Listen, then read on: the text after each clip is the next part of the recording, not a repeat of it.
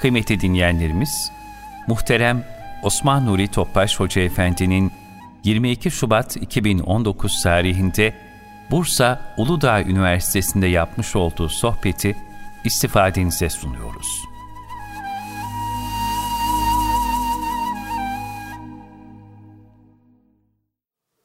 أعوذ بالله من الشيطان الرجيم بسم الله الرحمن الرحيم.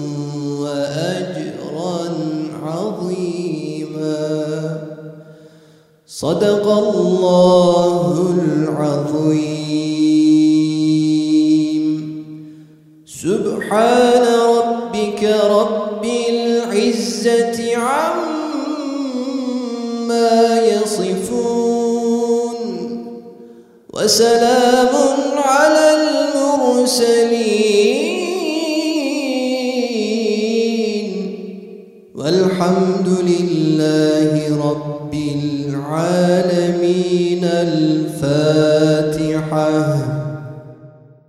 Allah memleketimizin, vatanımızın, milletimizin, dinimizin kaderinde sizler inşallah hayırlı, bereketli hizmetler nasip eyler. Efendim sohbetimizin mevzu vakıf ve insan. Bir de onun dışında on civarında sorular var. Bu soruların da cevapları isteniyor. Artık vaktin kifayet ettiği kadar inşallah cevap vermeye de gayret edeceğiz inşallah.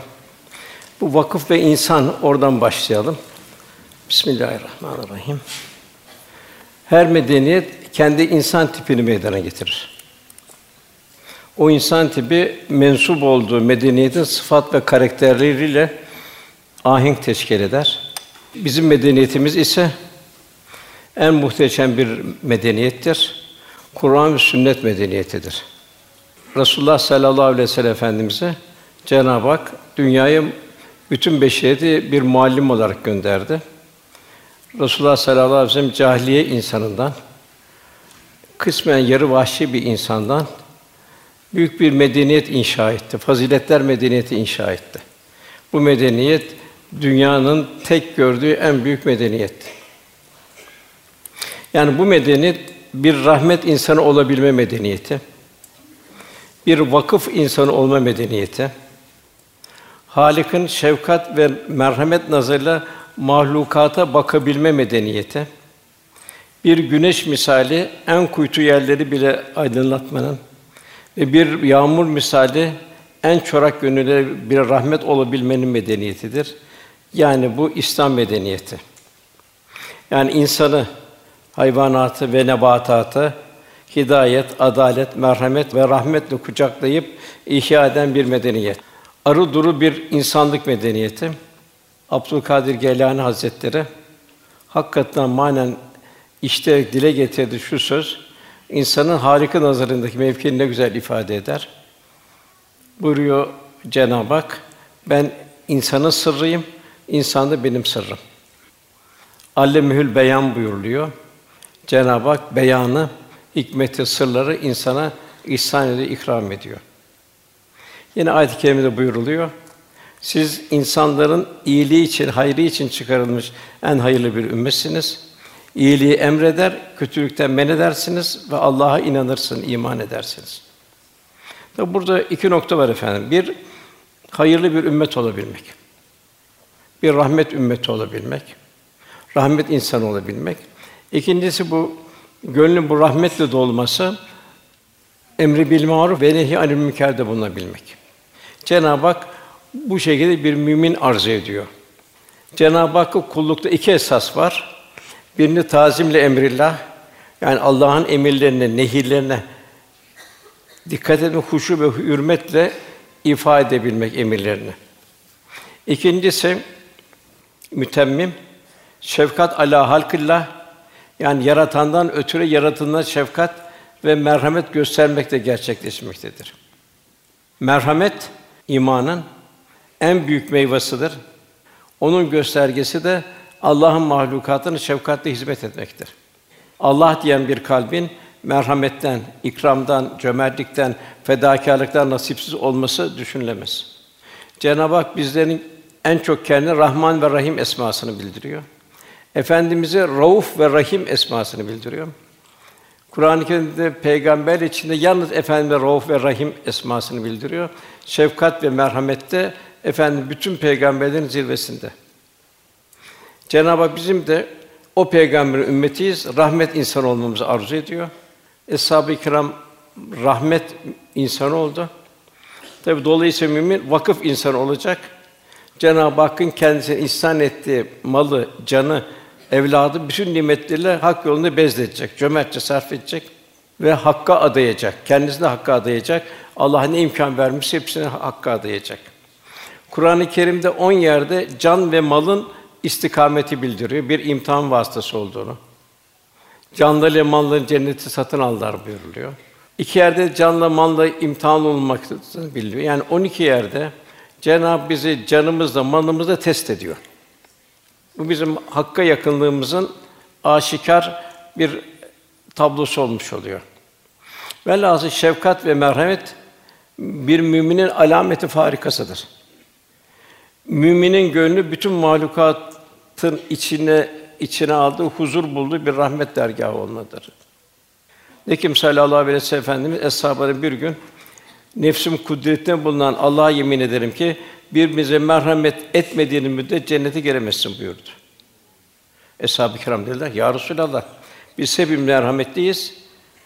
O zaman Allah Resulü buyurdu ki, benim kastettiğim merhamet, sizin anladığınız şekilde yalnız birbiriniz olan merhamet değil, belki bütün mahlukata şamil olan merhamettir. Yani yine tekrarladı, bütün mahlukata şamil olan merhamettir.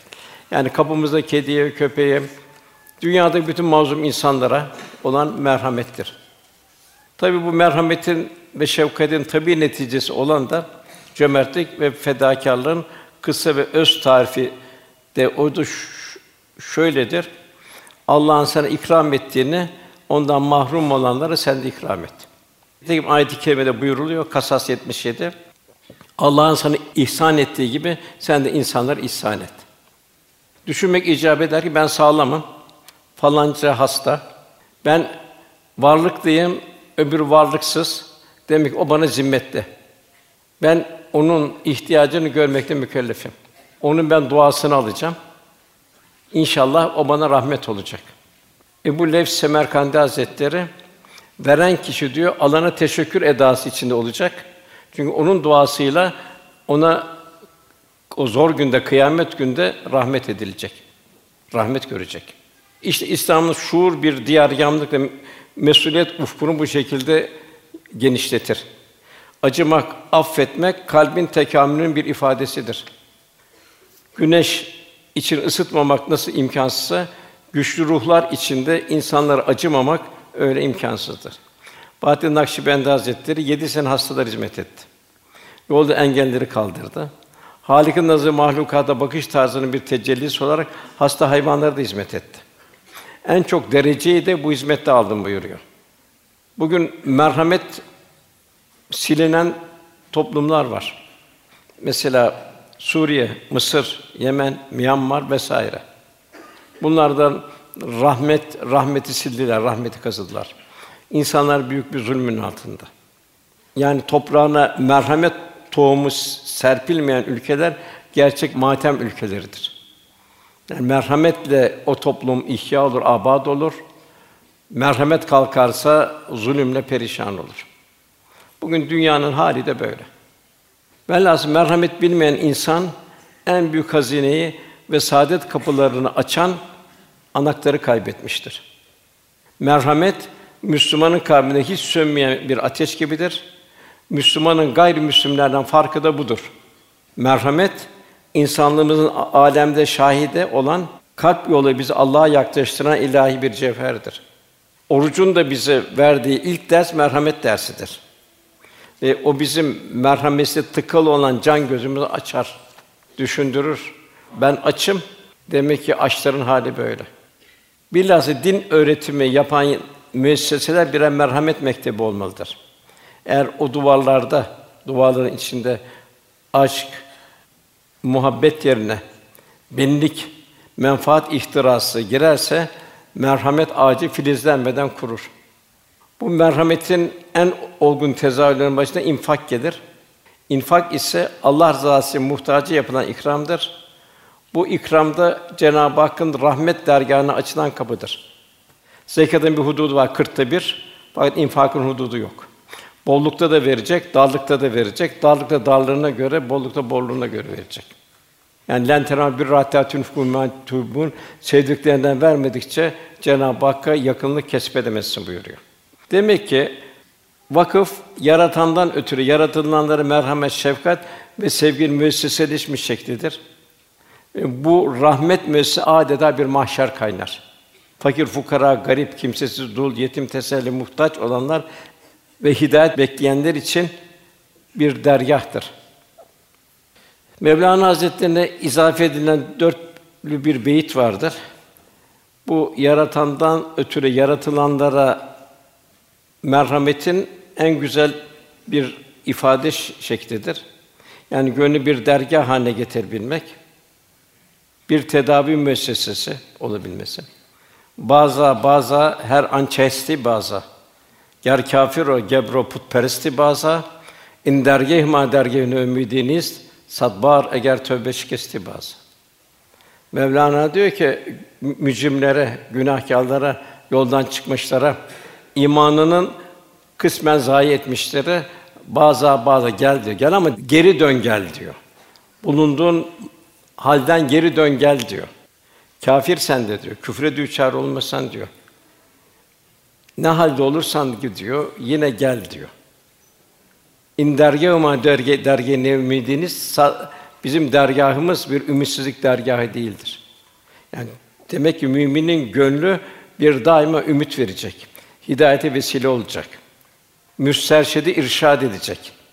Sadbar eğer tövbe şikesti baza yüz kere bozmuşsan yine de gel buyuruyor. Yani böyle bir gönül dergah olacak. Mevlana müridanı zikir yaparken bir sarhoş giriyor içeri. Sarhoş birkaç sefer Mevlana'ya çarpıyor. Alıp hemen dışarı atmak istiyorlar. Mevlana durun diyor. O diyor bu kapıya geldi diyor. O diyor içmiş diyor geldi diyor. Siz diyor içmeden sarhoş olmuşsunuz diyor. Velhâsıl bu işte bir müminin gönlüdür bu. Bir vakıf insanın gönlüdür, bir rahmet insanın gönlüdür. Yani bu adeta hidayet ve takva mahrumlarının teselli olup bulup tedavi olacağı bir rehabilite merkezidir. Mazlumların, mağdurların, yorgun gönüllerin huzur bulacağı bir bağda sabadır bu gönüller. Onun için gönüller hep o dostları ararlar. İsmail Ata Hazretleri kamil bir müminin gönül hassasiyetini şöyle ifade eder. Güneşte gölge ol der. Yani güneşte yani muhtaca kanat ger der. Yani ona şehbal ol der. Yani merhamet kanadını ona al himayet onu der. Soğukta kaftan ol der. Yani üşüyeni kalbinde hisset ve onu ışıt der. Bu da çok ibretli. Açlıkta da ekmek ol der. Yani infak et ve paylaş der. Soğukta kaftan ol.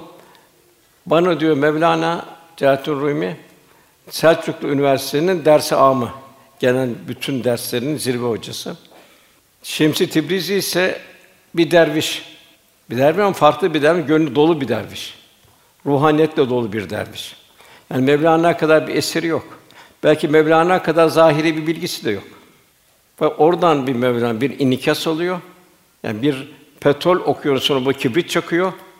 Ondan sonra işte e, mesnevi geliyor, fihi mafih geliyor. Velhasıl eserler dökülmeye başlıyor.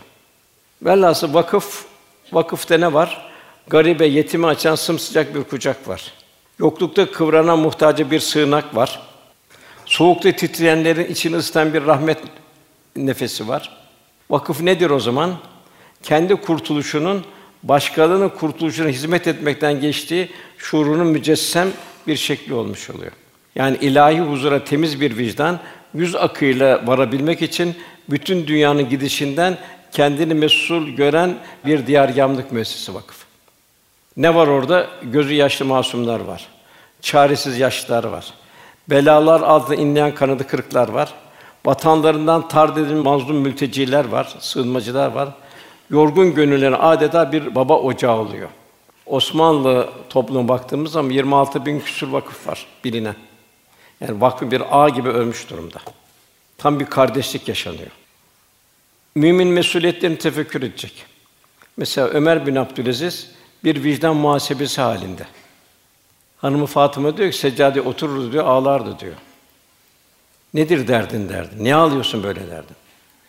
Ne problem var derdim. Benden daha büyük dertte kim var derdi. Bu kadardı toplumdaki dedi ihtiyaçlar. Benim ulaşamadığım kişiler.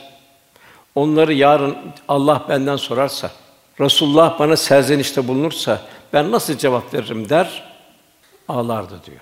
Bazen öyle bir olurdu ki diyor, sanki diyor havuza düşmüş bir kuş gibi çırpınırdı. Ben de bakardım, üzerine çarşafa atardım diyor. Dayanamazdım diyor. Kamil bir vakıf insanı. Dertlerin derdiyle dertlenen. Velhâsıl vakıf mülkiyetin Allah'a adanması, temlik ve temellükten men edilen malın Allah için ebedi hale gelmesi. Yani vakfedilen mülk artık alınıp satılmaz. Miras olarak intikal etmez. Artık o mal vakfedilmiş belirli şartlar üzerinde Allah'a adanmış bir mülktür. Kenas-ı şari deniyor. Allah'ın ayetleri gibidir. Mesela o Fatih Vakfiyesi'nde altında çok şeyler vardı. Mesela bu benim vakfımı yerine getirenlere Allah abad eylesin, ihya etsin vesaire. Fakat tersine olanları da Allah onu cehennemde yaksın, azabı düşar olsun beddua vardır. Onun için vakıf çok tehlikeli bir iştir. Fakat çok çok ecirli bir, bir iştir. Herkesin de bir vakıf insan olması zaruridir. Bu en güzel vakfı sahabede görüyoruz. Hazreti Ömer radıyallahu dünyada bir şey yoktu. Mesela bir Hayber'de ganimetten güzel bir arsa geldi. Hemen o kadar bir şey ki rüya gördü. Hemen geldi Allah Resulü vakfediyorum dedi. Yani canı ve malı Allah için hibe edebilmek bir nevi cenneti satın alma gayreti oluyor. İslam ne güzel bir iktisadi sistemdir. O toplumdaki mazlum, zengin, fakir, hasta hepsi müslim, hepsi huzurludur. Beşeri sistemlerin hiçbirinde bir huzur yoktur. Hepsi insana, insana insana bir dramdan başka bir şey getirmemiştir. Mesela beşeri sistemler olan komünizmde mülk toplumundur derler. Lakin aslında partililer halkı istismar ederler. Halkı sömürmek suretiyle partililer palazlanırlar. Yani halkın sırtından partililer geçinir. Halk sefildir. Kapitalizmde ise yine halkın sırtından karteller ve tröstler beslenir. Bırakınız yapsın, bırakınız geçsindir prensibi. İslam'da ise mülk ne ferdindir ne toplumundur, mülk Allah'ındır. El mülkü lillah. Mülkün sahibi Cenab-ı Hak olduğundan kullarından malın taksimini ister. Mümin malını zekat, sadaka, infak ile ebedileştirir. Böylece gerçek sosyal adalet temin edilir. Zira İslam kardeşinin yaşandığı toplumlarda hiçbir İslam buhran olmamıştır. Cenab-ı Hak Tövbe 111. ayet Allah müminlerden cennet mukabilinde canlarını, mallarını satın almıştır. Ayet-i kerimede Cenab-ı Hak Bakara 207 insanlarına öyleleri vardır ki Allah rızasını kazanmak uğrunda kendini malını feda ederler. Bu çok mühim bir noktadır. Okunan Fetih Sûre'nin son ayetinde Muhammed sallallahu aleyhi ve sellem Allah'ın Resulüdür. İlk defa akaidden başlıyor. Küffara karşı şiddet. Yani İslam'dan bir taviz vermezler. Bugün maalesef o tavizler başladı. Bir taviz vermezler. Daima İslam'ın izzet ve haysiyetini korurlar. Burada Cenab-ı misal devri, sihirbazları misal veriyor. Nasıl bu imanları korudular? Firavunlara tavır koydular. Firavun'un o zulmene, kol ve bacaklarını çapraz kesmesine rağmen canlı canlı artık dayanılmaz hale geldi. Rabbena ifri aleyna sabren ve tevfena müslümin der. Ya Rabbi üzerimize bizim sabır dök, sabır yağdır. Müslümana canımızı al, bir taviz vermeyelim. İmanımızdan bir eks, bir fire vermeyelim. Yine Habib-i Neccar var taşlandı Yasin sayfasında. Eshab-ı Uhdud var Hendekler'de yakıldı. Eshab-ı Keyf var 309 sene mağarada kaldılar. Mekkeler, Medineliler demek ki bunlar bir imanın asabiyetini muhafaza ettiler. Demek ki insanlarda öyle vardır ki Allah'tan kazanmak uğrunda kendini ve onu feda ederler. Yine Enes radıyallahu an anlatıyor. Bu lentera bir rahatun kummatubun sevdikle vermedikçe Cenab-ı Hak yaklaşamazsınız. Bir revat. Bu ayet indiği zaman Ebu Talha geliyor. Ya Resulallah diyor. Medine Münevvere'deki hanımlar kapısında 600 ağaçlı hurma bahçesi var. Oranın en mükellef hurma ağacıymış Medine'nin. Bu ayet indiği zaman ya Resulallah diyor. Bu hurma bahçemi vakfediyorum diyor. Bahçeye geliyor eşyalarını toplamak için. Hanımı da bahçede. Ebu Talha diyor, niye girmiyorsun diyor, niye çitin arkasında duruyorsun diyor. Bak bu bahçeyi sen de biliyorsun, ben de çok seviyorum diyor. Girsene bahçeye diyor.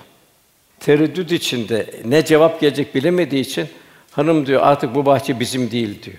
E kimin diyor? Bugün bir ayet indi diyor. Lentena bir rahtatun fummatubun.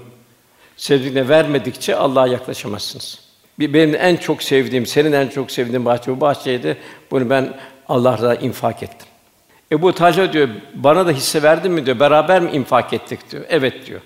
O zaman bekliyordu, eşyalarımı toplayayım ben de çıkayım bahçeden diyor. Ve tam bir dergah, bir gönül. Misalleri çok. Fakat sorular da var çok. Onun için biraz ben kısa şey yapacağım. Geçme durumundayım. Bu Evliya Allah'ta da bunun çok ayrı misali var. Yani bir tek misal vereyim burada. Mesela Davud Tayi Hazretleri var. Ona talebesi bir et yemeye getiriyor. Davut ete bakıyor, talebeye bakıyor. Acaba gücenir mi? talebe anlıyor. Hocam diyor bunu ben zor diyor buldum diyor. Zor edindim diyor. Siz dedi günlerdir bir et yemediniz dedi. Sen bundan bir yerseniz ben çok rahatlayacağım, huzur bulacağım diyor. Davut Hadi Hazretleri diyor ki kırmamak için nasıl bir uslu. Oğlum diyor şu iki yetimden ne haber diyor. Üstad diyor, onlar bildiğiniz gibi diyor. Bak yavrum diyor, onu şimdi bu eti ben yesem diyor, bir müddet sonra benden çıkacak diyor. Fakat şu iki yetimi götürsen arş-ı alaya çıkacak. Bunu Evliya Allah'tan o kadar çok misali var ki. Velhasıl şu dünya bir imtihan, bir mektepteyiz, mektebi alemdeyiz. Esas tahsin marifetullah, Allah kulu olabilmek. Cenab-ı Hak bizden bunu istiyor. Ye uzu sadakat, sadakaları ben alırım buyuruyor Cenab-ı Hak. Yalnız iki kişiye gıptedir buyuruluyor. Bir Allah'ın izniyle Kur'an'ın verdiği kişidir. Allah'ın kendisi Kur'an'ın verdiği kişidir. O Kur'an'la gece gündüz meşgul olup onunla amel eder ve amel ettirir. Diğeri Allah'ın kendine mal verdiği kişidir. O da gece gündüz bu malı infak halinde bunun infakının heyecan telaşesi içindedir. Alemde rahmet olan gönül efendimizin yüreğinde adeta bir mahşer kaynardı. Onu rahmet dergâhı gönlü daima hidayet mahrumlarını ebedi kurtuluşa kavuşturmanın derdi vardı. Kendisi dünyadan mesul görürdü. Bir gözünü kazanabilme, bir kişiyi daha ebedi felakeden kurtulma heyecanı vardı. Bir köle Müslüman oldu, Efendimiz seviniyordu. Bir kişi kurtuldu diyordu. Nasıl bir merhamet? Hidayetle şereflenmiş fakat henüz takva derine erişmeyen Müslümanlar irşad etme gayreti vardı. Düşmanlıkları kardeşliğe dönüştürme, düşmanlıkları kardeşliğe dönüştürme, aradaki haseti kaldırma, gönüller yıkılmaz muhabbet köprü inşa etme gayreti vardı. Zalimlerin zulmüne engel olma, mazlumlara imdad etme, hakkı tutup kaldırma davası vardı. Dertlerin derdine derman olabilme azmi vardı. Özel ümmetin garipleri, kimsizleri, hastaları, yoksulları kol kanat germe sureti vardı. Dediğim bazı göz yaş masumlar, çaresizler, yorgun gönüller hepsine bir huzur verme gayreti içindeydi. Yine nasıl bir İslam yaşandı, nasıl bir huzur? Osmanlı ilk üç asrı öyledir. Ömer bin Abdülaziz devri öyledir. Müslümanlar zekat verecek, fakir bulamadılar. Her taraftan zekatlar geliyor, hazine doldu zekatlarla. Mahaller mektup yazdı. Efendim zekatlar doluyor, yok fakir kalmadı diyorlar. Ömer bin Abdülaziz o zaman diyor köle azad edelim bu fakir bu gelen zekatlarla buyuruyor. Nasıl bir medeniyet bu medeniyet? Bir komünizmi, değil kapitalizmi. Bu nasıl bir insanı bir harap ediyor, köle ediyor. İslam ise nasıl bir medeniyet? Ebu Hasan Harkani Hazretleri buyuruyor, Türkistan'dan Şam'a kadar olan sahada bir din kardeşin parmağına batan diken benim parmağıma batmıştır. Birinin ayağına çarpan taş benim ayağımı acıtmıştır. Bir kalpte hüzün varsa o kalp benim kalbimdir. Bu kalp hangi kalp? İşte Allah'a yakın bir kalp bu. Allah diyen bir kalp Cenab-ı Hak ve cilet kulübühüm buyuruyor. Allah anladığı zaman kalpleri titrer buyuruyor. Velhâsıl gerçek bir mümin, başta insan olmak üzere hiçbir mahlukun sesli veya sessiz feryat feryatına bigane kalamaz. Elinden gelen yardımı esirgeyemez. İşte demin bahsettiğim gibi Mevlana'ya Şems onun yüreğine bir tek şey öğretiyor. Üşüyen varsa sen ısınma hakkına sahip değilsin diyor. Esas tavsiye de bu. Zihne zihnine öğretmiyor, kalbini öğretiyor. Eğer zihnini öğretirken arada kalp yoksa uçar gider o. Bedenin ısınması giysilerle mümkündür. Lakin vicdanı ısınabilmesi ancak merhamet tezahürü davranışlarla kalbin Hakk'a, Cenab-ı Hakk'a yaklaşmasına bağlıdır. Onun için bedenlerden evvel vicdanlar ürpertilmelidir.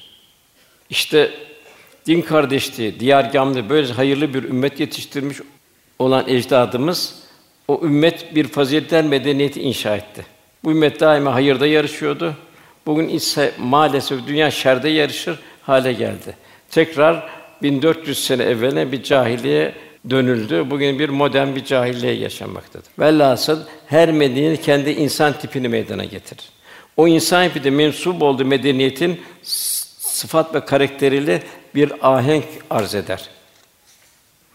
Bizim medeniyet, bizim medeniyet Kur'an ve sünnetin hayat veren ölçüye inşa edilmiş bir medeniyettir. Bunun içindir ki bizim medeniyetimiz rahmet insanı, vakıf insanı olabilme medeniyetidir. Ahlakta zirve bir medeniyettir. Berrak bir vicdan, bütün nefsane temizlenmiş bir kalp inşa ettiriyor. İlimde yüksek bir medeniyettir. Şeytan ve nefse değil, hakkı kul eden bir ilme sahip eden bir bir medeniyettir. Kur'an-ı Kerim yaşamak ve yaşatmak suretiyle hikmete ve esrara nail olan nail olma bir medeniyetidir. İçtimai ve iktisadi hayatta müstesna medeniyettir.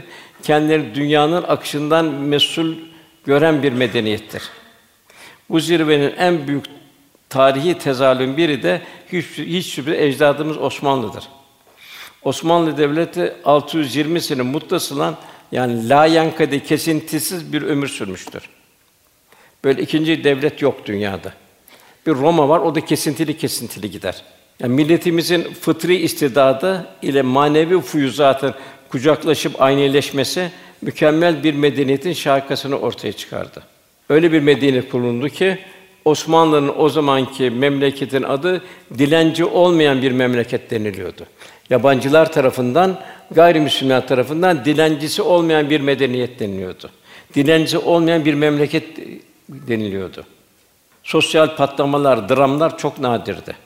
Çünkü vakıf infak hizmeti her devlet toplumun bir emniyet sebebı olmuştu.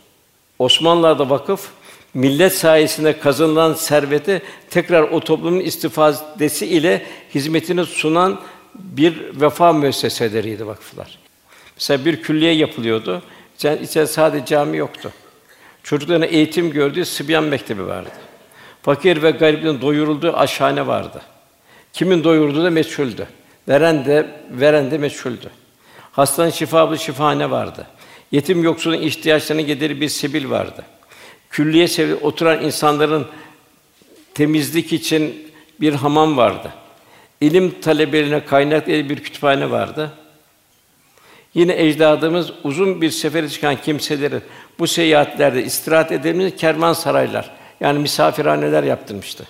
Buralara gelen yolcu öne kim olduğu bakılmaksızın yemek konulurdu şartında.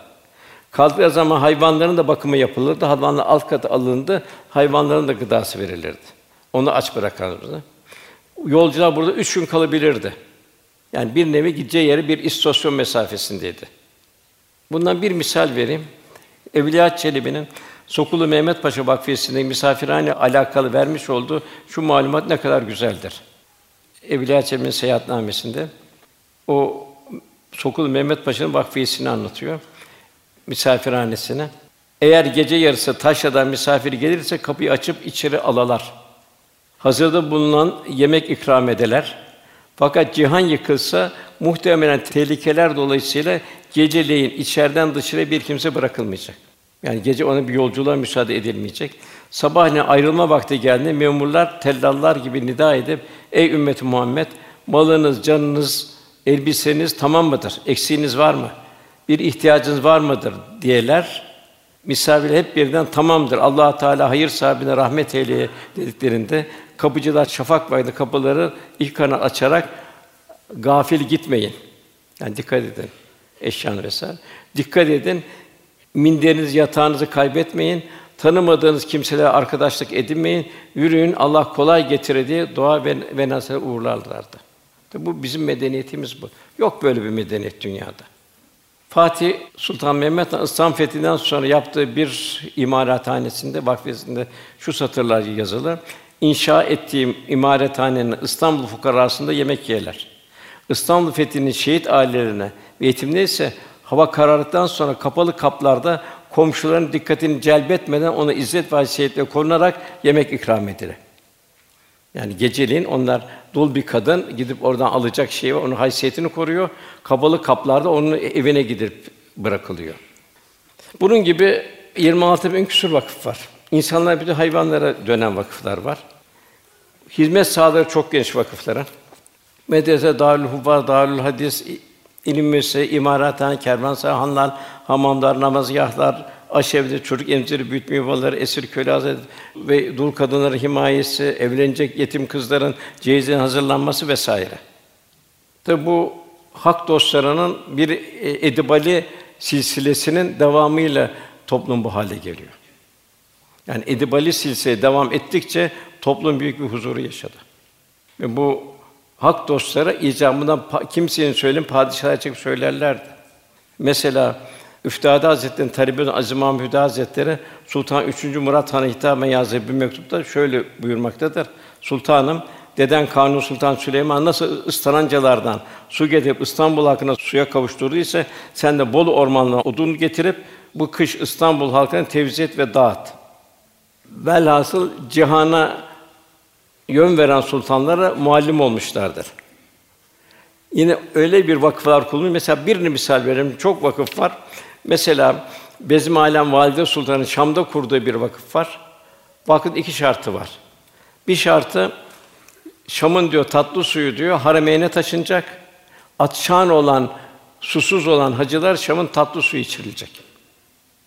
Arada belki 1500 kilometre mesafe var. Nasıl bir iman heyecanı. İkincisi birincisinden çok daha mühim. Müstahdemlerin kırdığı eşyalar tazmin edilecek. Onlar azarlanmayacak. Onun kalbine bir diken batırılmayacak. Yani bir Halik'in nazarı bir mahlukata bakış tarzı. İmam Rabbani Hazretleri buyuruyor ki sen diyor kalbe dikkat et diyor. Kalp diyor Allah'ın komşusudur diyor. Sakın diyor Allah'ın komşusunu sen incitme diyor. Onu bir diken batırma diyor. Yine de onu da asi de görsen diyor, yine diyor o Rabbin komşusudur diyor. Velhasıl bu çok uzun. Yani demek ki bu kısaca hülasa edersek rahmet insan infak eder, fedakar olur, şefkatli olur, geçtiği her yere bahar götürür, muhabbet götürür. Mümin arı gibidir efendimiz buyuruyor. Konduğu dala zarar vermez. Temiz yer, temiz mahsul verir, ikram eder. Aynı 45 günlük ömründe arının misali gibi. İncitmez, incilmez. Niye incinmez? Allah için o da af isteyecek. Af isteyecek ki affedebilmenin faziletine erecek. Bollukta şımarmaz, şaşırmaz, taşmaz, dar isyan etmez. Rahmet bütün mahlukata şamil olacak. Yalnız kendisine, evlad yakınları değil, din kardeşleri bütün ümmet-i Muhammed'e ve insanlıkta eşimizden bütün insanlar. İkinci Beyazam'ın Barbaros Hayrettin Paşa İspanya'dan Yahudileri getirdi. Zulüm altındaydı Yahudiler. Bu bizim insanlıkta eşimizdir dediler. İstanbul halkı da bunlar mazlumdur dedi. Onlara yardım etti. Bir kısmı Müslüman oldu bu merhamet karşısında. Birinci Murat Han Kosova'yı fethetti. Orada şehit oldu. Arkasından gelen kişiler İskan politikası Anadolu'nun temiz insanlarını götürüp Kosova'ya yerleştirdiler. Hemen orada Arnavutların yüzde doksanı Müslüman oldu. Fatih Bosna'yı aldı İstanbul fethinden 10 sene sonra. Zaten prensler zulmediyorlardı. Boşnakların tamamı Müslüman oldu. Fatih Anadolu'nun temiz insanları oraya yerleştirdi.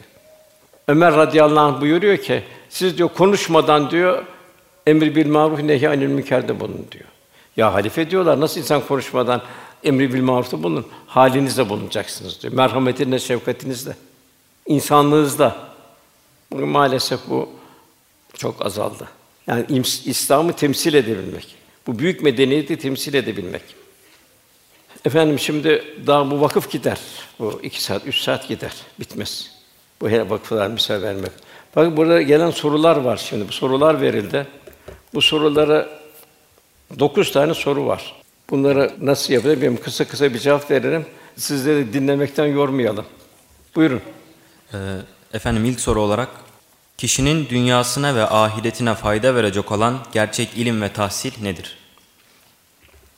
Gerçek tahsil nedir? Cenab-ı Hak buyuruyor ki size pek az ilim verilmiştir buyuruyor. İsra Suresi 85. ayet.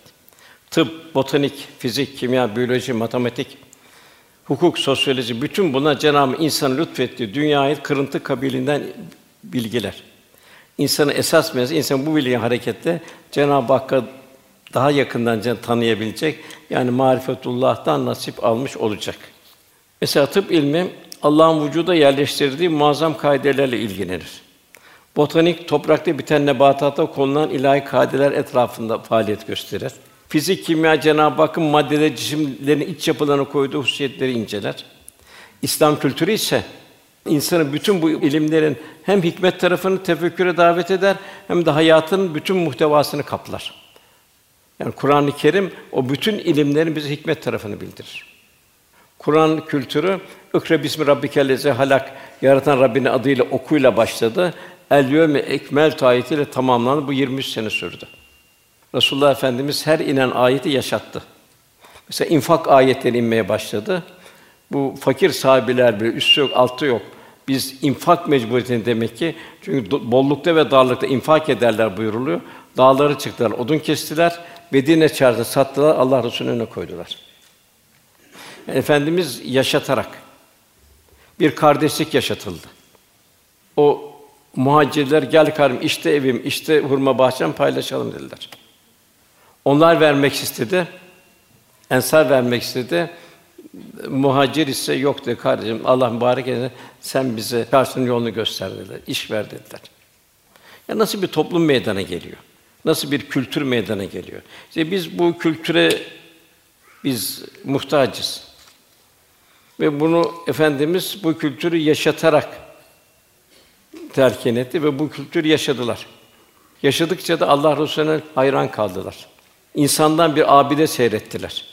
Bütün gayeler ahirette onunla beraber olmaktı. Sahabe diyor ki biz en çok sevilen hadis-i şerif el mer'u men ehabbe hadis-i şerifi. Ki sevdiğiyle beraberdir. Onun Allah Resulü'nün gittiği yoldan gittiler. Abdullah İbni Ömer bir meydanda dönüyordu. Niye dönüyorsun dedi bu meydana. Ne var ki de dönüyorsun? Bilmiyorum. Allah Resulü dönmüştü dedi. Belki adam birisine bir şey söyleyecekti ve ondan dönmüş. Onu hiç düşün. Madem Allah döndü diyor. Ben de giderken bu meydana döneceğim diyor. Nasıl bir rabıta? Velhasıl esas ilmini alacağımız bu ehli gönül kişiler. Ondan inikas. Maalesef bu toplumlar kütüphanelerin tozlu raflarına kalmış kara kaplı felsefe kitapları üzerine abanmış bilgi ruhuyla selamete kavuşmaz. İnsanlığı hakiki saadet ve selamete çıkaracak olan Kur'an ve sünnet kültürüyle yoğrulup ilahi hikmet ve hakikatlerle kemale ermiş olan arif müminlerin ruhudur. Nitekim Muhammed Hamidullah Bey diyor ki biz diyor Paris'te diyor fıkıh tarafını, kelam tarafını vesaire onları anlatıyoruz diyor. Fakat diyor İbn Arabi gibi, Mevlana gibi sufiler kadar tesirimiz olmuyor diyor. Mesela Hulagu'nun diyor yakıp yıkıp istilalarından sonra Gazanhan zamanında olduğu gibi bugün en azından Avrupa ve Amerika İslam'a hizmet edecek olan ne kılıç ne akıldır diyor. Bugün İslam ne kılıçtır ne akıldır diyor. İslam'a hizmet edecek kalptir diyor. Rahmet insanın kalbidir. Yani tasavvuftur diyor Muhammed Hamidullah Bey. O toplumun fertleri nasıldı? Asıl saat toplumunu. Yani biz gerçek tazinin ne olduğunu asıl saatte gördük. Bir çobana sahibi de izinsiz koyun satma teklif edildiğinde elini kaldırıyor. Ben satayım mı diyor. Allah nerede diyor. Hadi görmez diyor bunun sahibi diyor. Sanırım sahibi diyor. Hadi kurt yedi dersin, şey oldu dersin. Allah görmüyor mu dedi. Bir köle günlük nafakasını bir köpekle paylaşıyor. Abdullah İbni Ömer baktım diyor, bir diyor zenci diyor. Önünde üç tane ekmek vardı, köpeğe veriyordu diyor. Verdikçe köpek yutuyordu diyor. Hayır bir müddet seyrettim diyor. Ben de kendimi cömert zannederdim diyor. Yaklaştım diyor. Arkadaş sen kimsin dedi. Ben köleyim dedi diyor. Bu üç ekmek nedir? Günlük nafakam dedi diyor. E bu köpek nedir? Bu uzaktan gelen, buranın hayvanı değil. Baktım aç, attıkça veriyor. Benim de vazifem bu bana Allah bunu bana zimmetli olarak gönderdi. Bunu Rabbim gönderdi, benim kapıma gönderdi. Ben de bunu ikram edeceğim. Peki sen üçünü de veriyorsan ne yapacaksın? Bugün ben sabredeceğim. İşte bu köylü hangi fakültede, hangi doktorada, hangi şeyde, nerede yetişti? Nasıl bir medeniyetin insanı? Sütçü kadının kızı annesine diyor ki, anne diyor, evet diyor, halife görmez ama diyor, Allah görmüyor mu diyor. Yani ve huve mahkum eyne ma. Ayet-i kerimin bir tecellisi halinde. Nereye gitseniz o sizinle beraberdir. Velhasıl kıssa olarak bir zahiri bilgi var. Bu dıştan alınan bilgiler. Bu iki uçlu bıçak gibi. Eğer burada bir maneviyat yoksa bu alınan bilgiler şerre de götürüyor. Yani Firavun'da da bilgi vardı. O bilgilerle piramitler yaptırıyordu. Atilla'da da bilgi vardı. Timur'da da bilgi vardı. İskender'de bilgi vardı. Bunların zulümden başka bir şeyleri yoktu. Demek ki bilgi muhakkak ancak dıştan değil, içten kendinin kendine alacağı bilgiler. Bu da takva olmuş oluyor. Cenab-ı Fettakullah yuallifunullah. Siz takva sahibi olursa Allah size öğretiyor. İşte Allah'taki bütün bu zahiri bilgileri aşan bilgi bu bilgi olmuş oluyor. Yani peygamberlerin üçüncü vazifesi Kur'an, kitap ve hikmeti talakki ettirmek. Burada hikmet eşyanın sırrı tarafı allemül beyan kula Cenab-ı Hak ihsan ediyor, ikram ediyor. Esas bilgi de bu. Tabi bu bilgi zor bir bilgi bunu elde edilmek. Bir de en başta benliği bertaraf etme. İşte Aziz Mahmud Hüdayi Hazretlerine e, ciğer sattırıldı. Yunus Emre'nin başı eşikte bekletildi. Halid Bağdadi Hazretlerine helal temizletildi. İlk bu benliği kazımak, enaniyeti kazımak, kalbin daima ya, sen ya Rabbi diyecek. Kalp grafiği gibi aşağı indi zamanda sen ya Rabbi, yukarı çıktığında taşmayacak sen ya Rabbi diyecek. Velhas esas ilim de bu. Allah bizi bu dershane, mektebi alemdeyiz. Bu dersi liyabudun Allah kulu olmak, liyarufun Cenab-ı Hakk'ı kalpte tanıyabilmek. Cümlemiz Cenab-ı Hak nasip etsin. İşte bu kalple tanıdıktan sonra bu Yunus'un divanı ortaya çıktı. Mevlana'nın mesnevisi ortaya çıktı. İmam Rabbani'nin o külliyatı ortaya çıktı. O olmadan, bu ilim olmadan olmadı bunlar.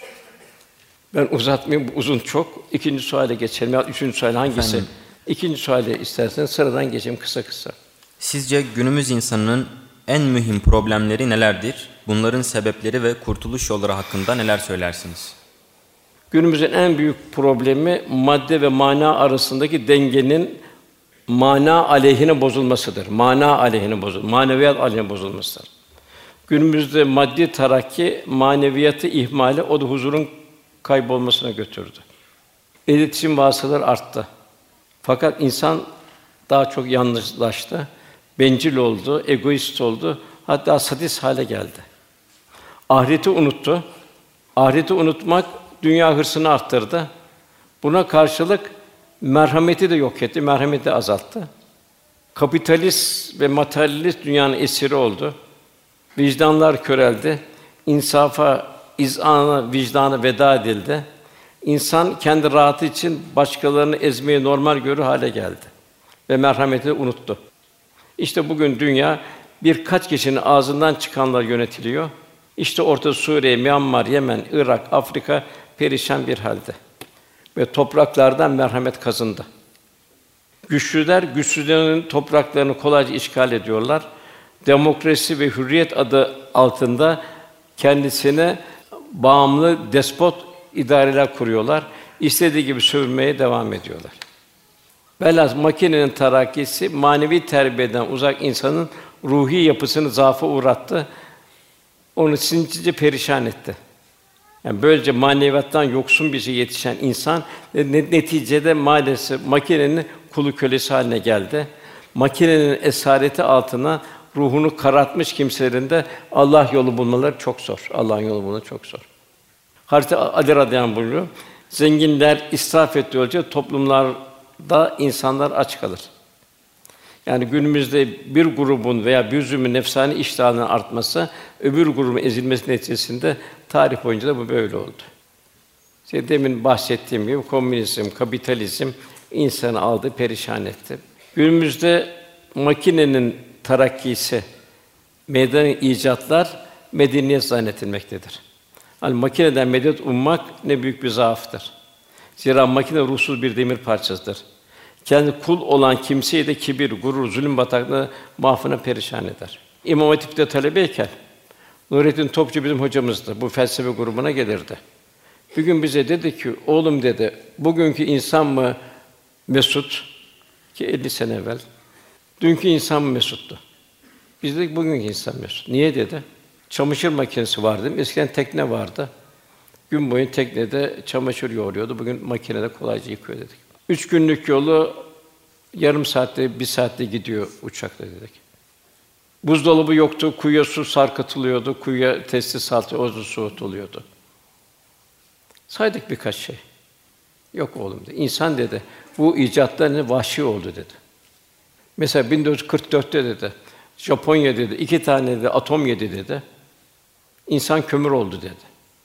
Ağaç kömür oldu, toprak kömür oldu, hayvan kömür oldu. E ne hakkım var buna dedi. O insanların burada ne günahı var dedi. İşte medeniyet bu dedi. Bugün de aynı işte tek diş kalmış medeniyet alıyor işte ta Öbürü 10 bin kilometreden geliyor, esir alıp gidiyor. Perişan edip gidiyor. İki tane dev kapışıyorlar, aralık çimenler ezilip gidiyor.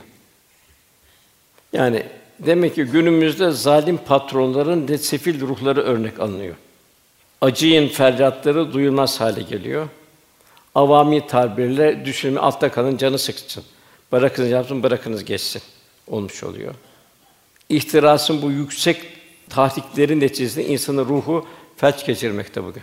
Tarih baktığında Timur ölürken de 5000 kilometre geldi. O Sivas şeylerine muhafızlarını diri toprağa gömdü ve gitti. Timur ölürken yapmış olduğu büyük zulümle İslam hüzün ve bulutu altında bunaldı ve o şekilde can verdi gitti. Haccacı zalim saadet terimleri içinde ölmedi.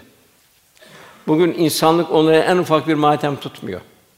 Üzerimizde güneş müddet onların saraylarını, köşklerini, hazirlerini aydınlatan, sonra harabelerin üzerine haşmetle doğan aynı güneş. Şimdi onların haşmetli saraylarını, harabelerini baykuşlar şenlendiriyor. İnsan dünyaya geliş hikmetini unuttu. Ben diyerek nefsini ilahlaştırıyor. Nefsin putperest oluyor. Timur 5000 kilometreden niye geldi, niye döndü? Bugün 10 bin kilometreden Suriye'ye niçin geliyorlar? Velhasıl bu makineden maddi güçten asla hikmet çıkmaz.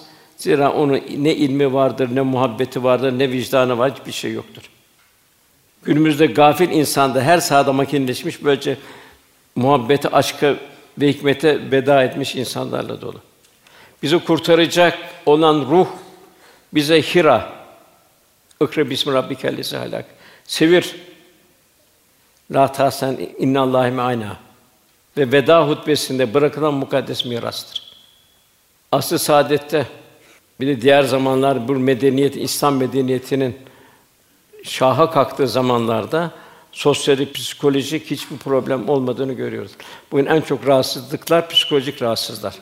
Bunalımlar. Hiç asıl saatte bunalım var mı? Hiç Ömer bin Abdülaziz Aziz devrinde, dört halife devri Osman ilk aslında bir bunalım var mı?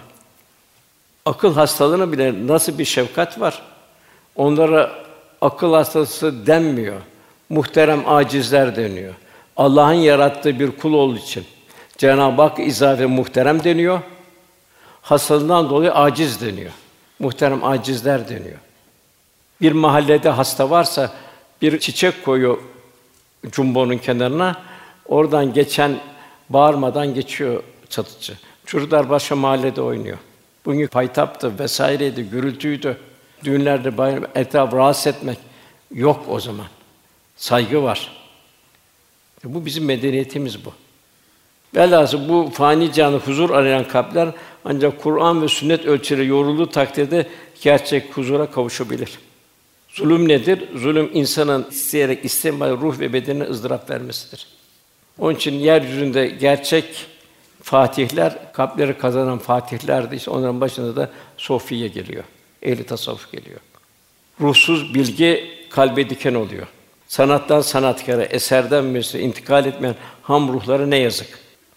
Bir mütefekkir, vay diyor güllerle, ağaçlara, kuşlarla konuşmayanların vay halini diyor.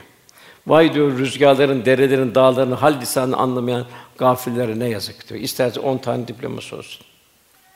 Şuraya bitireyim ben bunu. Atilla, İskender vesaire emsalleri kendinin bütün insanlığın düşmanı oldular. Dostluğun Allah'taki kaynağına erişen Mevlana, Yunus ve hak dostları ebeden bütün insanların dostu olarak kalacaklar. Ruhun bir gayesi var. O gaye Allah'a doğru yolculuktur ruhun gayesi. Ruhtan Allah'a götüren yolculuk ruhun zaferle dolu bir yürüyüşüdür. Ebediyet ülkesinin fetihleridir. İnsan sonsuzluk yolunun yolcusudur. Allah'ı da bulabilecek ancak onlardır. Daha vardı ben uzatmayayım öbür soruya geçin. Eğer dinleyen yorulduysa burada keselim şey sohbeti. Efendim bildiğiniz gibi dünyada öncüsü Fazlur Rahman olan tarihselci Kur'an ve İslam anlayışı son günlerde Türkiye'deki bazı ilahiyatçılar tarafından da dillendirilmeye başlandı. Hatta bu çerçevede Kur'an'ın manen Hazreti Peygamber'e indirildiği, onun da o günün mefhum ve kelimeleriyle lafza döktüğü bile söylendi. Bu manada Kur'an'ın tarih üstü ve evrensel mesajını nasıl anlamalı ve anlatmalıyız? Efendim Pavlos Hristiyanın içini boşalttı. Akideyi konsüller tespit etti. 315'te Allah'ın üç olduğu, İsa'nın da Rab oldu. Dördüncü konsülde 485'te e, Ruhul Kudüs'ün de Rab oldu. Velhasıl yani bir akaid Hristiyanlıkta e, kullar tarafından tespit edildi. İbadetler değiştirildi. Sünnet kalktı, vaftiz girdi. Namaz kalktı, ayin girdi. Oruç kalktı, periz girdi. Muamelat vesaire hak hukuk, ukubat bu da Sezar'ın hakkı Sezar'a dedi, onlar tanzimesinde dedi. Ve işi boşalttı bir rozet haline geldi. Bir günah affetme politikası başladı. Papaza gidiyor, günahını affediyor, iş bitiyor. Çok da hatıraları bunun, hazine hatıraları var. Bu böyle. Diğer Yahudiliğe baktığımız zaman bir günah keçisi hadisiz var Tevrat'ta olan. Günahını keçiye yükleniyor, keçiyi sahraya bırakıyor, o şekilde kurtuluyor. Şimdi tavuk kesme üzerinde yapıyorlar onu. Yani şimdi böyle o kadar din basitleşti, bir rozet haline geldi. Gaye İstanbul'da o hale getirmek. Misyonerlerin bütün gayesi de o. Onun için İslam fobi diyor, İslam rahatsız ediyor. Öbürü rahatsız etmiyor, öbürü nefsi hayatın şeyinde gidiyor. Onun ilk başta mezhepler ne lüzum var denildi. Mezhep ne hacet var? Asıl saadet mescit var mı denildi. Değil mi? Halbuki asıl saadet de şey, mezhep vardı. Efendimiz yedi tane müştehit yetiştirmişti. Hazreti Ayşe validem o, o müştehitlerden biriydi. Sahabenin hemen hemen çoğu müştehitti fakat yedisi de en başta müştehitlerdendi.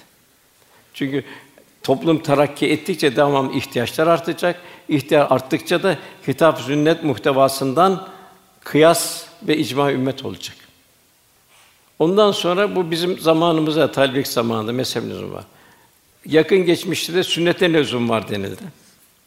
Kur'an-ı Kerim'in müfessiri Resulullah Efendimiz'dir. Biz Resulullah'ın kalbine indirdik Kur'an'ı buyuruyor. Çok ayetler var efendimiz ayet. Men yudur Rasule fakat et Allah buyuruyor. Allah Resulüne itaat Allah'a itaattir buluyor. Üçüncü olarak sonradan da bazı ahkamı değiştirelim. Bunlar o asra göre inmiştir. Onlar da tamamen bir saçma sapan iddialar. Son peygamber geldi. Artık son kitap geldi. Bu kitap Cenab-ı Hak nurunu kıyamete kadar tamamlayacak. Bunlar hep ifsat hareketleri. Fakat ben size şey olarak şurada bir misal vereceğim. Katolik Kilisesi lideri Papa Francesco yani şimdiki Papa dedi ki bir takım şeyler yapılıyor işte bu. Müşterek teologlar falan yapılıyordu. Gaye de buydu. Dedi ki Papa Fransız bizim kutsal metinlerimizde yaptığımız gibi onları Kur'an üzerine eleştiri çalışma yapmaları onun için çok iyi olur diye düşünüyorum dedi. Bu da bir gelen bir ayrı bir Haçlı seferi. Buyurun. Efendim, gafletten sakınmak, nefs ve şeytanın tuzaklarından korunmak için akıl, gönül ve sair imkanlarımızı kullanırken nelere dikkat etmeliyiz? Efendim bu aklı, akıl bir vasıta. Göz nasıl bir vasıta? Bir yere kadar görüyorsun. 100 metre görüyorsun, 500 metre ondan sonra ufaları göremiyorsun. Kulak da bugün Bursa gibi sesi duyamıyorsun. Akıl da öyle. Akıl bir vasıta. Burada eğer aklı vahyin içinde kullanır, akıl çok büyük bir nimet. Zaten mesuliyetle akılla başlıyor. Bu aklı Allah yolunda kullanabilmek ve vahyin muhtevasını kullanılmak. Şayet akıl vahyin muhtevasında taşarsa insan modaların, markaların, gel geç seven peşine sürünürse bu dünya geliş ve gidiş hikmetini unutuyor. İşte bu zalimlerde akıl var. Zalimlerde bu akıllı zulüm yapıyorlar. Demek aklın vahyin içinde kullanması zoruyor selamet için. Cenab-ı Hak efela yakule, efela tetefekkürün buyuruyor. Ülül elbab buyuruluyor. Yine gönül, yine kalbi merhaleler neticesinde gönülde hikmet güneşi doğacak. Hikmet nedir? Hadisatın, vukuatın sırrı tarafının gönüle ilham olunması. Hikmetle yorulmuş bir gönül dergah haline gelecek. O dergahta Allah'a yaklaşmanın bütün sırları o ruha Cenab-ı Hak nakşedecek. Yunus'un güzel bir şeyi var. Gönül çalıbın tahtı, çalap gönlüne baktı, iki can bedbahtı, kim gönül yıkarsın. Bunun zıtları şayet gönül hep heveslerin, arzuların peşinde koşursa kötü hastanın zeburnu oluyor. Belhum edal durumuna düşüyor. damlayla sonsuz bir deryayı değiştirmiş oluyor.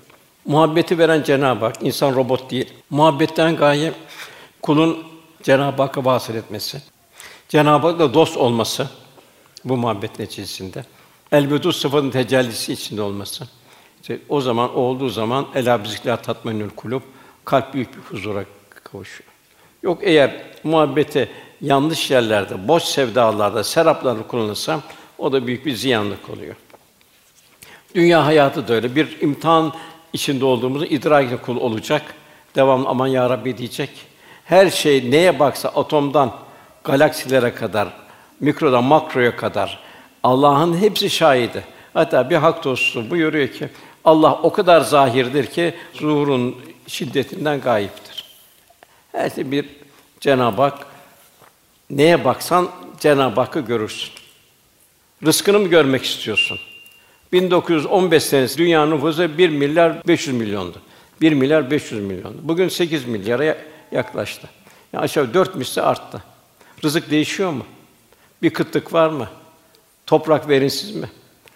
İnsan Cenab-ı Hak ona göre hayvan ihtiyacı göre hayvan, süte ihtiyacı göre süt.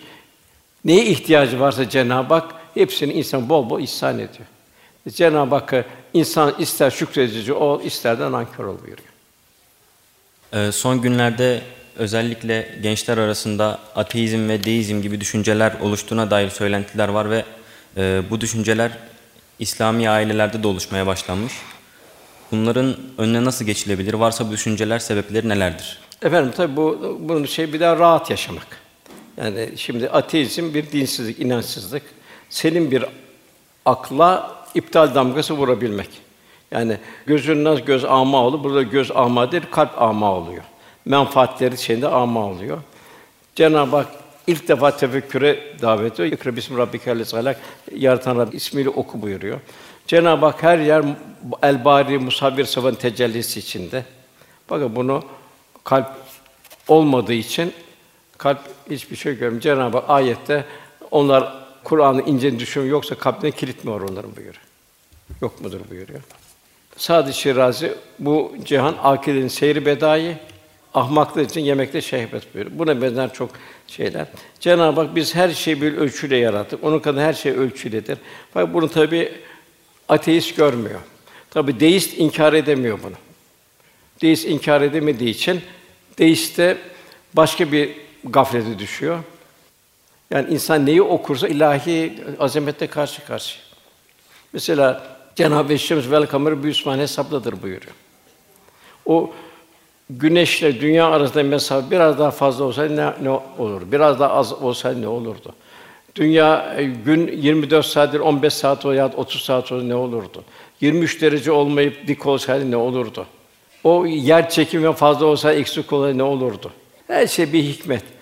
E bunu okuyor fakat bunu maalesef kalp kör olduğu için farkında değil. Deizm nedir? Deizmde evet diyor bir varlık var, bir güç var diyor. Güç var ama diyor. Bu güçte evet diyor böyle ekolojik denge var diyor vesaire var diyor. Var var ama diyor. Fakat diyor nasıl diyor hayvanı yarattı diyor. Ağacı yarattı, insanı öyle yarattı diyor. Ondan sonra o güç karışmıyor insanı diyor. Karışmasın diyor. Bu ne zaman başladı? Bu şeyde başladı bu deizm. Bu cahiliye devrinde vardır. Resulullah Efendimiz geldiler. Baktı, evet dediler. Allah var dedi. Bir güç var dedi. Yağmur yağdığını Allah'tır dediler. Fakat de putlarımız var dediler. Sen bize bir ahiret haberi getirdin, bunu kaldır dediler. Bu ahiret haberi bizi rahatsız ediyor dediler. Bir de emirler, yasaklar geldi, bunu da kaldır dediler. Rahat rahat, sere serpe biz, biz şey yaşayalım dediler. Değilsin bu. Bugün tekrar dünya, tabi bu Hristiyanlığın bir ruha bir şey ver, huzur hali vermemesi vesaire zaten işte biliyorsunuz Avrupa'da kiliseler hepsi boşaldı ateizm ve deizme döndü. Halbuki İslam hayatın her noktada hiçbir boşluk bırakmamıştır İslam. Bir medeniyet dinidir. Onun deizmi, deizm ayrı bir şey. Yani Cenab-ı Hak bu kadar ilahi nizam karşısında insana bir nizam vermiyor. Cenab-ı Hak Rahman olsun biz sema yükselttik bir ölçü bir mizan koyduk. Sen bu mizanı bu ölçüyü bozma diyor. Bir ahenk teşkil et diyor. Onun için bu ateizm, deizm maalesef ikisi de bir felaket. İkisi de kalbin körlüğü neticesinde insanın rahat yaşaması. Hatta Hint de onu söylemişti. İslam ilk geldiği zaman böyle din mi olur demişti. Bizim dinimiz ne güzel demişti. Hiç sorgu yok, sual yok vesaire yok. Bu din dedi, Muhammed'in getirdiği din dedi de köleyle hür insan aynı olacak dedi. Böyle şey mi olur dedi. Köle haline küssün dedi. O köle ne bilsin dedi. Ne deizm o tarafta öyle geliyor. İşte bugün de deizm en modern haline geldi. Modern haline mi geldi, denayet haline mi geldi o ayrı. Evet, bunda çok konuşacak şey var ama vakit de çok daraldı. Ondan sonra gelen Efendim son yıllarda önce kadın çalışmaları ve arkasından da toplumsal cinsiyet diye mevzular ortaya çıktı. Ne yazık ki cinsiyet eşitliği adı altında Müslüman ve mütedeyyin aile yapısı etkisiz hale getirilmeye çalışılıyor. Bu tür sapmalardan korunma adına kız ve erkek evlatlar hangi şuurla yetiştirilmelidir? efendim yetiştirecek kurtaran takva şuurudur. Allah kadını en değerliniz, en keremliniz inne ekremeküm indallahi etkâküm buyuruyor. Kadın erkek eşitliği diye bir eşitlik olmaz. Çünkü kadının fıtratı ayrı, erkeğin fıtratı ayrı. Aksi halde bir düzen olmaz kainatta. Ailede bir düzen o, aile olmaz. Aile ortadan kalkar. İşte bugün Avrupa'da aile kalktı. Bugün Kanada'da yüzde yetmiş birlikte yaşama var dediler. Aile bir şey yok. Amerika, Avrupa'da yüzde kırka çıktı bu da. Gittikçe arta arta gidiyor. Bugün Türkiye'de başladı bu. Aile çöküyor, nesil çöküyor vesaire oluyor. Yani bu armutla elmayı beraber tartmak. Eğer hanım Allah'ın verdiği o yaşarsa cennet annelerin ayakları altında oluyor. Erkek de öyle. Cennetin orta yolunda oluyor. Hanımın fazileti çok daha ayrı. O anne. Ümmül medrese anne bir mekteptir buyuruluyor. Rabbena heb lena min ezvacina ve zurriyatina kurrete ayun ve cealnel muttakin imama. Cenab-ı Hak zevceler buyuruyor. Erkekler buyurmuyor orada. Kurreten göz nuru olacak ki ondan gelen nesil de göz nuru olacak. Toplumda ve cealnel müttakine imama takvada örnek olacak. Velhâsıl bu eşitlik başka, adalet başkadır. Bu esasında kadına yapılan bir zulümdür. Kadın evinin tanziminden, eğitimi koparıp sokakta insafına bırakılmakta, tuzak dolu dış dünyanın zorluğu içerisine atmak bugün kadına en büyük zulüm olmuş oluyor. Günümüzde modern günümüz modern cahilinde kadınlar aileden, evlilikten, annelikten soğutularak sokağa ve dış dünyada kendini teşhir etmeye özenlendiriyor. Teşhir etme özelliği var. Giysilerinde bunu görüyoruz. Sanki nadide bir çiçek kaldırımlar da ayaklar da e- ezilmekte ve çiğnenmektedir. Bir misal verirsek, üzerine her türlü kirin döküldüğü bir çöp tenekesine düşen bir pırlanta ne kadar talihsizdir. Bugün kadında durum bu. İki yüzlü Batı kendi bozuk dünyalarının toplumsal cinsiyet eşitliği maddelerle kadını aşağılayan geleneklerle mücadele etmeye çalıştığını söylüyor. Kadının gerçeklerini görmezden gelerek onu şekillendirme kendi hiçbir değer katmaz. İşte Avrupa'da kadın erkek ile eşitlik davasını sürünerek annelikten koparıldı. Kürtaj kasaplarının müşterisi oldu. Sokaklarda, fabrikalarda vitrinlere itildi. Şehvet mankenleri haline geldi maalesef. Ali Begoviç vardı. O diyor ki güzel bir ifadesi var. Güya diyor sanat için soyunan kadına alkış tutuyorlar diyor. Sanat için sanattır diye soyunan kadına alkış tutuyorlar. Allah için örtelen hanımefendileri neden zulmederler? Takva sebebiyle kendisini deşifre etmeyen hanımları niye küçümserler? Tabi İslam'da ise kadının çok değerli bir mevki veriliyor. Cennet babaların değil, annelerin ayakları altında. İslam kadını ailesinin sultanı, yuvasını ayakta tutan salih bir hanım efendi olarak yüceltiyor. İslamiyet değil insanı ve kadın hiçbir varlığa şiddetle musamaha etmez. Kadına şiddet deniyor. Şiddet hayvanlara bile şiddet yok. Efendim bir deve geldi, gözü yaşlı durdu. Sahibin çağırdı, niçin bu hayvana sen zulmediyorsun dedi. Yarın dedi, burun dedi, kıyamet dirilişini dedi, seni ayaklar aldı çiğneyeceğini düşünmüyor musun buyurdu. Kur'an-ı Kerim hanımı yüceltiyor. Meryem validemiz çok yerde İsa aleyhisselamla beraber geçiyor. Cenab-ı İsa aleyhisselam bahsederken Meryem'in oğlu İsa diye bahsediyor. 34 yerde geçiyor. İffetini koruyan Meryem buyuruluyor. Hatice validemiz, Peygamber Hatice validemiz verdiği kıymet bambaşka. İşte bu kadına eşitlik altında yapılan kadını kendi fıtratından çıkarma ona bir zulüm oluyor maalesef. Ve maalesef bu işte dünya bir cahiliye devrinde bunun kısaca ifadesi de bu. Efendim son olarak e, yabancı yerde Müslüman kendini nasıl muhafaza edebilir? Resulullah Efendimiz buyuruyor Müslüman diyor bir altın gibi. Altın diyor nasıl çamura düşse diyor. Üzerine üflenir diyor. Tekrar diyor o kıymetini korur diyor. Bir defa bir Müslüman yabancı memlekette ne şekilde olacak? Kendi yaptığının bir hatanı İslam'a izafetini düşünecek. Onun takva halinde yaşayacak. Buna çok gayret edecek. Eğer bunu yaşarsa muvaffak olur. Allah da yardım eder. Asiye validemiz Firavun'un karısıydı. Fakat Firavun'un o inikasından onu takvası onu korudu. Demek ki bir Müslüman takvada yüksek olursa ancak kendini yabancı yerde o şekilde koruyabilir. Aksi halde orada inikas alır. Eshab-ı Kiram da putperestlerin içine girmişti, yabancı yerlerin içine girmişti. Ve yüksek takvayla girdiği için onların hidayetine vesile oldu. Çok kısacası bu cevabı. İşte Eshab-ı Kiram Çin'e gitti, Semerkant'a gitti, dünyanın dört tarafına gitti. Hepsini kendileri korudu, oradaki insanları hidayete getirdi. Bu neye bağlı? Kalbindeki olan iman, vecd, huşu, istirak ve ihlasa bağlı. Evet, ondan sonraki soru. İdeal bir eğitimcinin ne gibi vasıfları olmalıdır? Bu da uzun bir şey ama en büyük eğitimci Resulullah Efendimiz'dir. Eğitimci olmuş hissiyat ve duyguların güçlü olması zaruridir. Çünkü talebesiyle irtibat kurarken onların duygularını anlamalı, değerlendirme, ona göre muamele etmesi lazım. Bu bir doktorun tedavi önce teşhisi gibidir. Ancak problemini çözülen insan kazanılabilir. İnsanın istidatları muhteliftir, zaafları değişiktir. O sallallahu aleyhi ve sellem istidadına göre terbiye ederdi sahabeyi. Her birine ayrı ayrı şeyler, zaafına göre senin en hayırlı şudur buyurdu. Mesela Efendimiz merhamet dolu bir gönle malik Hazreti Ebubekir Efendimiz farklı bir kıvamda yetiştirdi. Diğer celade sahibi bir yapıyı olan sahibi Hazreti Ömer'i farklı bir surette yetiştirdi. Muaz bin Cebel'i, Enes Malik'i ve Habeşli Vahşi'yi ayrı ayrı eğitimlere tabi etti, tuttu. Ve bu farklı eğitimlerin hepsi de yıldızlar haline geldi. Bu nedir bu? Bu eğitimcinin bir sanatıdır. Cenab-ı sen onu simalarından tanırsın buyuruyor. Ne kadar ram olursa o kadar tanır. Yine bir mütefekkir şunu söylüyor.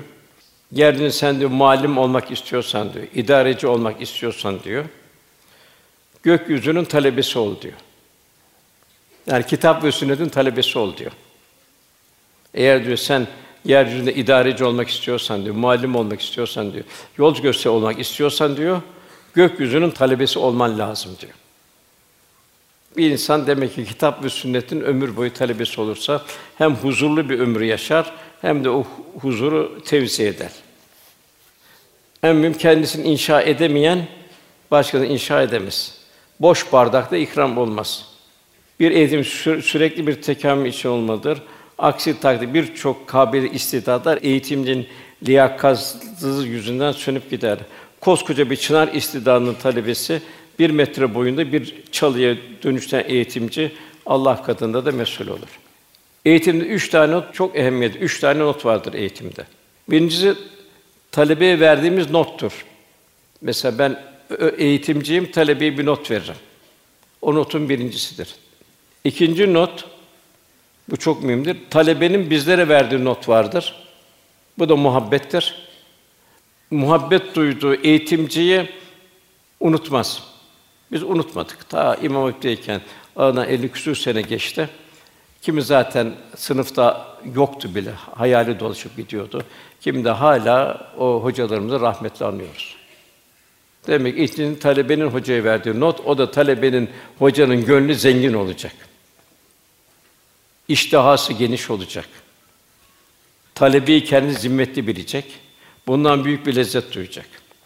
Üçüncüsü not, en büyük not, Cenab-ı Hakk'ın kıyamet günü bizlere vereceği not. Onun için bir Müslüman devrin akışından mesuldür. Her her Müslüman bir eğitimci olması lazım, İslam'ı temsil etmesi lazım. En zoru da o. Efendim çobansınız buyuruyor. Bu da uzun. Şimdi buraya giderse bir de yarım saat sürer. En son, son soru haline geldik. Evet efendim. Batı medeniyetinin bugünkü ilme tekniğe efendim bize daima Batı medeniyeti böyle, Batı medeniyeti şöyle diye devamlı bu telkin ediliyor. Esas Batı medeniyetine baktığınız zaman bu İslam medeniyetinin oradan temeli İslam medeniyetinden alınmış. Mesela birkaç cebir ilmi ve sıfır rakamlar Müslümanlar tarafından bulunmuş. Avrupa'yı Müslümanlar vasıtasıyla gelmiş. Daha evvel sıfır diye bir rakam bilinmiyordu. Cebir ilmi diye de bir şey bilinmiyordu.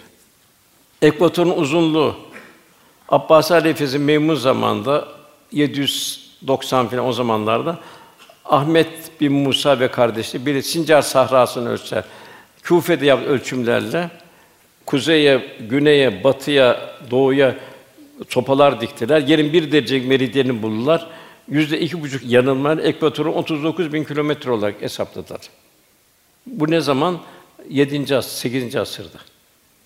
Matematikte Harizmi görülüyor. Kimyada Cabir bin Hayyam gözüküyor. Mekanikte Ebu İsmail el Ceziri gözüküyor. Astronomi Fergani ve Battani gözüküyor. Tıpta İbn Sina gibi Müslüman dehalar gözüküyor. Coğrafya ilim haline gelmiş sağlayan Müslümanlar dünyanın en çok ülkesine köşe bucak dolaşan Evliya Çelebi'dir. 1611. İbn Batuta'dır 1300 küsürde. Kristof Kolomb Amerika'nın varlığını Müslüman özellikle İbn Rüşd'ün kitaplarından öğrendiğini kaydeder. Bruni asıl önce Amerika'nın varlığından söz etmiştir.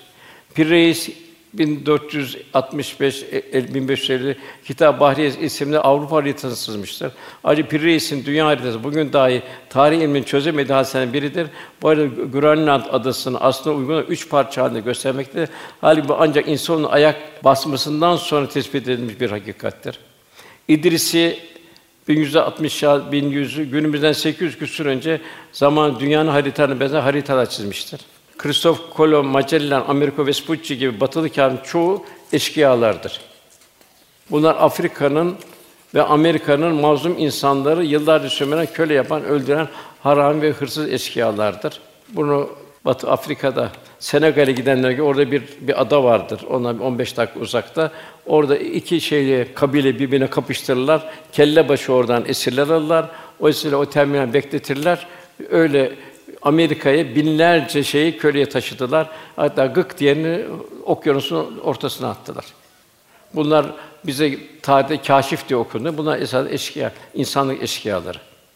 Asıl kaşifler coğrafyada İbn Batuta'dır, e, Evliya Çelebi'dir. Buna gitti her coğrafyadan dünyanın en güzel şekilde haberdar etmişlerdir.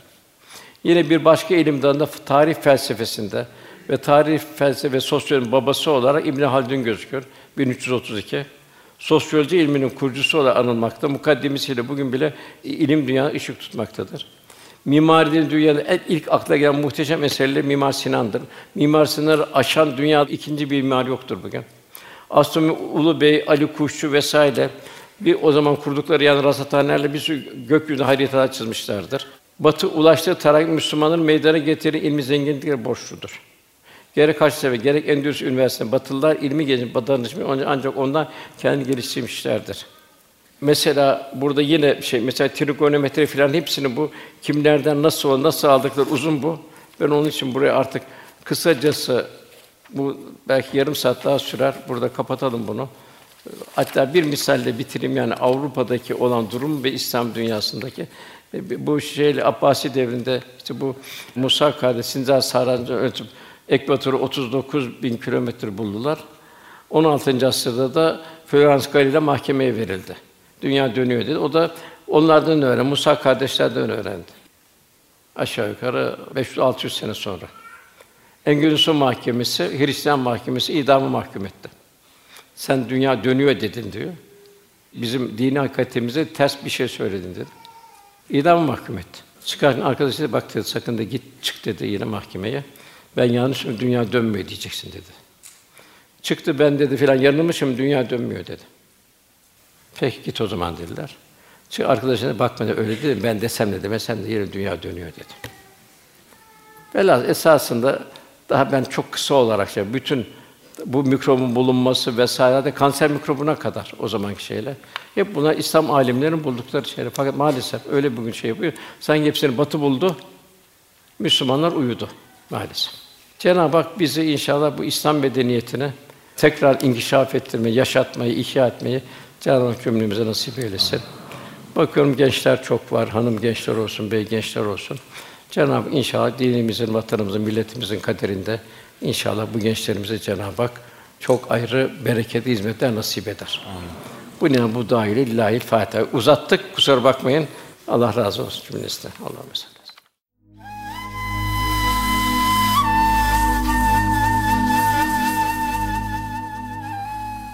Erkam Radyo'da muhterem Osman Nuri Topbaş Hoca Efendi'nin 22 Şubat 2019 tarihinde Bursa Uludağ Üniversitesi'ne yapmış olduğu sohbeti dinlediniz.